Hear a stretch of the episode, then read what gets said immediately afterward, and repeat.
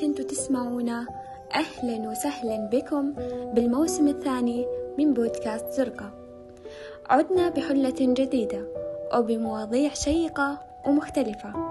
أنهينا الموسم الأول بعد اكتمال ثلاث حلقات من وعن عمره فيما أفناه والخوف من البدايات إلى حب الذات.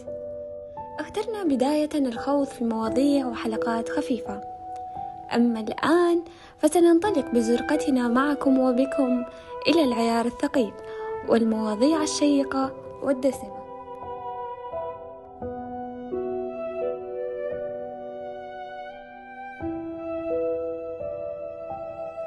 بداية وقبل ما نبدأ حلقتنا حابة أقول لكم خبر جدا جميل. اليوم وبفضل من الله نقدر نقول لكم بدأنا نستقبل طلباتكم للإنتاج. زرقة أصبحت مرجع إنتاج للإنتاج الصوتي ونقدم فيها كل ما يخص البودكاست. للناس اللي حابة تنتج لها ومش عارفة كيف ومن وين تبدأ. حنا هنا بزرقة نساعدك من الصفر إلى الانطلاقة والتواصل حيكون عن طريق الإيميل أو عن طريق حساباتنا بالتواصل الاجتماعي. وحنا كلنا ثقة بأنكم حتنبهرون فوق امتياز السعر السرية والجودة الكاملة لتميز بودكاستك.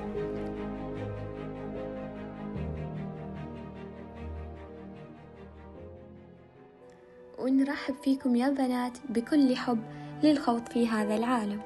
وخلق مساحات للنقاش مع من حولك.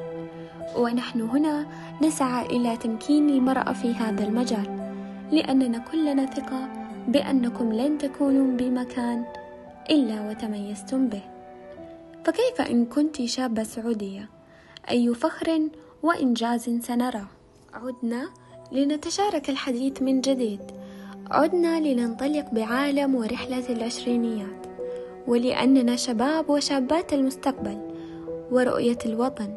ولأننا نحن من سنصنع المستقبل. ونحن من سيخدم وطننا وملكنا وولي عهده. لا يليق بنا الوقوف. ولا يليق بنا الكسل والتراخي. نحن السعوديون الحالمون المنطلقون لكل ما هو جديد. نقدم على أمر ما فيصبح حديث الناس. نحن الهمة حتى القمة ونحن من نساهم في تنمية عجلة التطور بوطننا. مكنت المرأة فأصبحنا بكل مجال نلمع ونؤثر.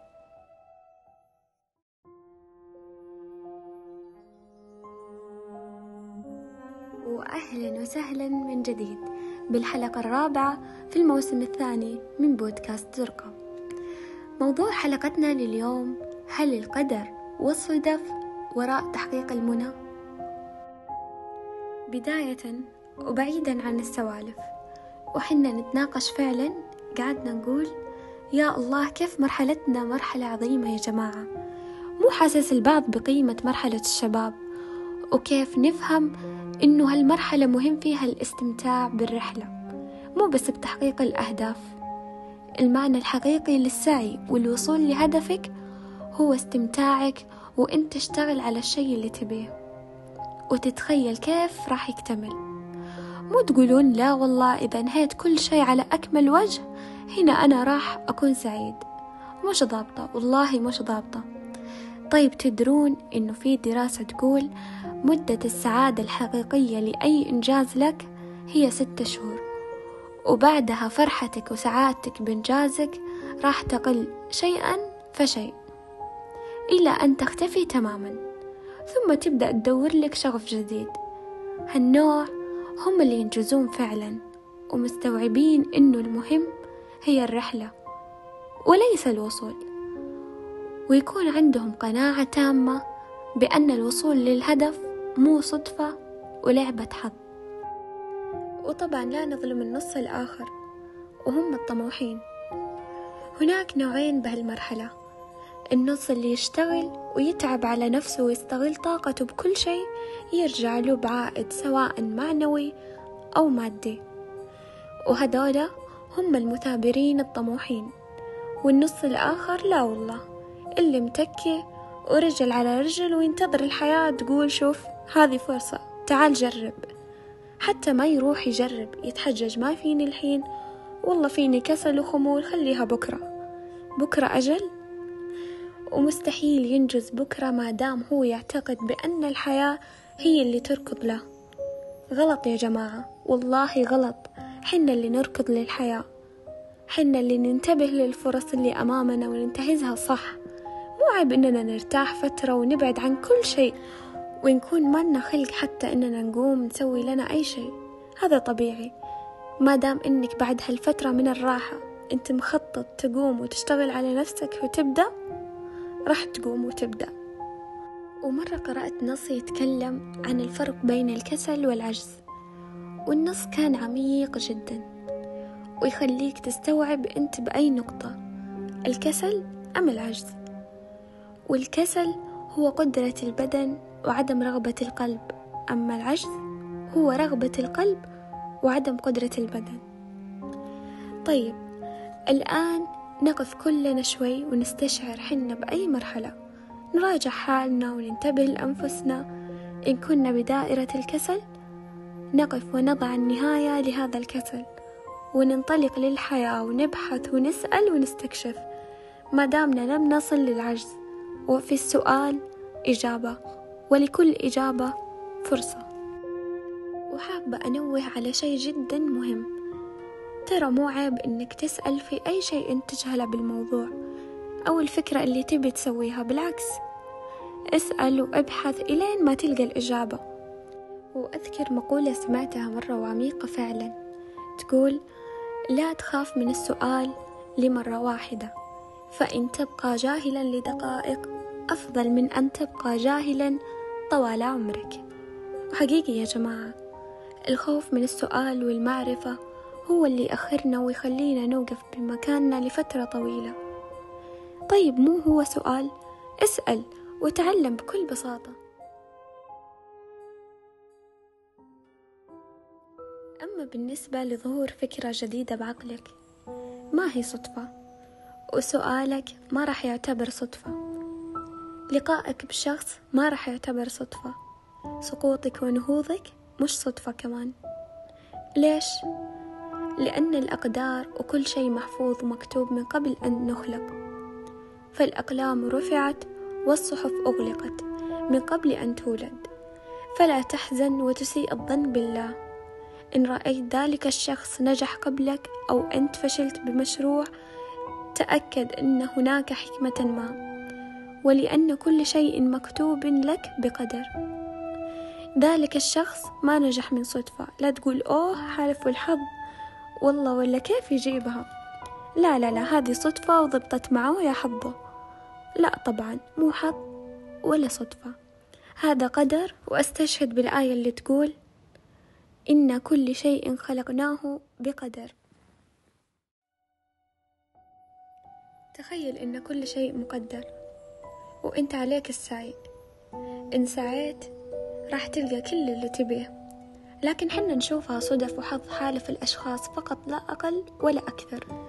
بس لما نوقف شوي ونستوعب بنقول لا هذه مو صدف هذا قدر. بس لأن من كبر الحدث أو الشيء اللي وصلنا له وحنا كنا نشوفه مستحيل الوصول وصار عقلنا ما يستوعب وقتها نقول يوه هي صدفة. وفي الحقيقة هذا قدر ربك اللطيف القادر الذي إن أراد شيئا قال له كن فيكون. لذلك تأكد بأن كل شيء مكتوب قبل خلقك وبأننا مسيرين بكثير من الأمور. لسنا مخيرين لحكمة الله وحكمته أكبر من كل شيء أكبر من كل هم ومن كل حزن. وهذه الآية كفيلة بأن توصل لك الرسالة العميقة. كل شيء بقدر. ركزوا. كل شيء. حرفيا الآية تطمنكم بأن بالقدر لك وقت لفرحك وآخر لحزنك. فلا تستعجل وتحاول الإلحاق بمن سبقوك. وبمقولتهم الشهيرة بأن جاتنا صدفة أو القطار فاتك.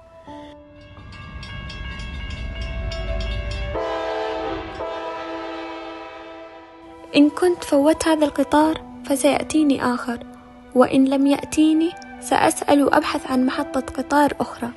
أنا هنا فقط عبد مؤمن محسن الظن بالله. وإن سألت لكي لا أجهل. وأخيرا ولأن الله معنا لن نخشى زوال أمر نحبه. ولن نفقد الأمل ولن نتراجع عن أحلامنا. ولن نخاف من مستقبلنا. ما دامت كل الأقدار بيد الله. فنحن مطمئنين آمنين لأنه رحيم لطيف بنا ويعلم ما نسعى إليه ويعلم كل مخاوفنا وقادر عليها ولا تعجزه أبدا. وقبل ما نختم الحلقة خلونا نتفق من بعد هالحلقة كل شخص يسمعنا سواء شباب أو شابات. خلونا نتجرأ ونسأل بأي أمر نجهله.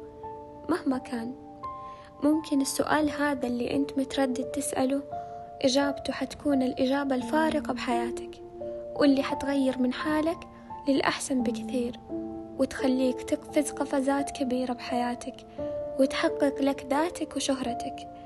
وبس تطرد لكم مقولة خالد الفيصل وهو يقول لم أندم بحياتي كثرة ندمي على عدم السؤال.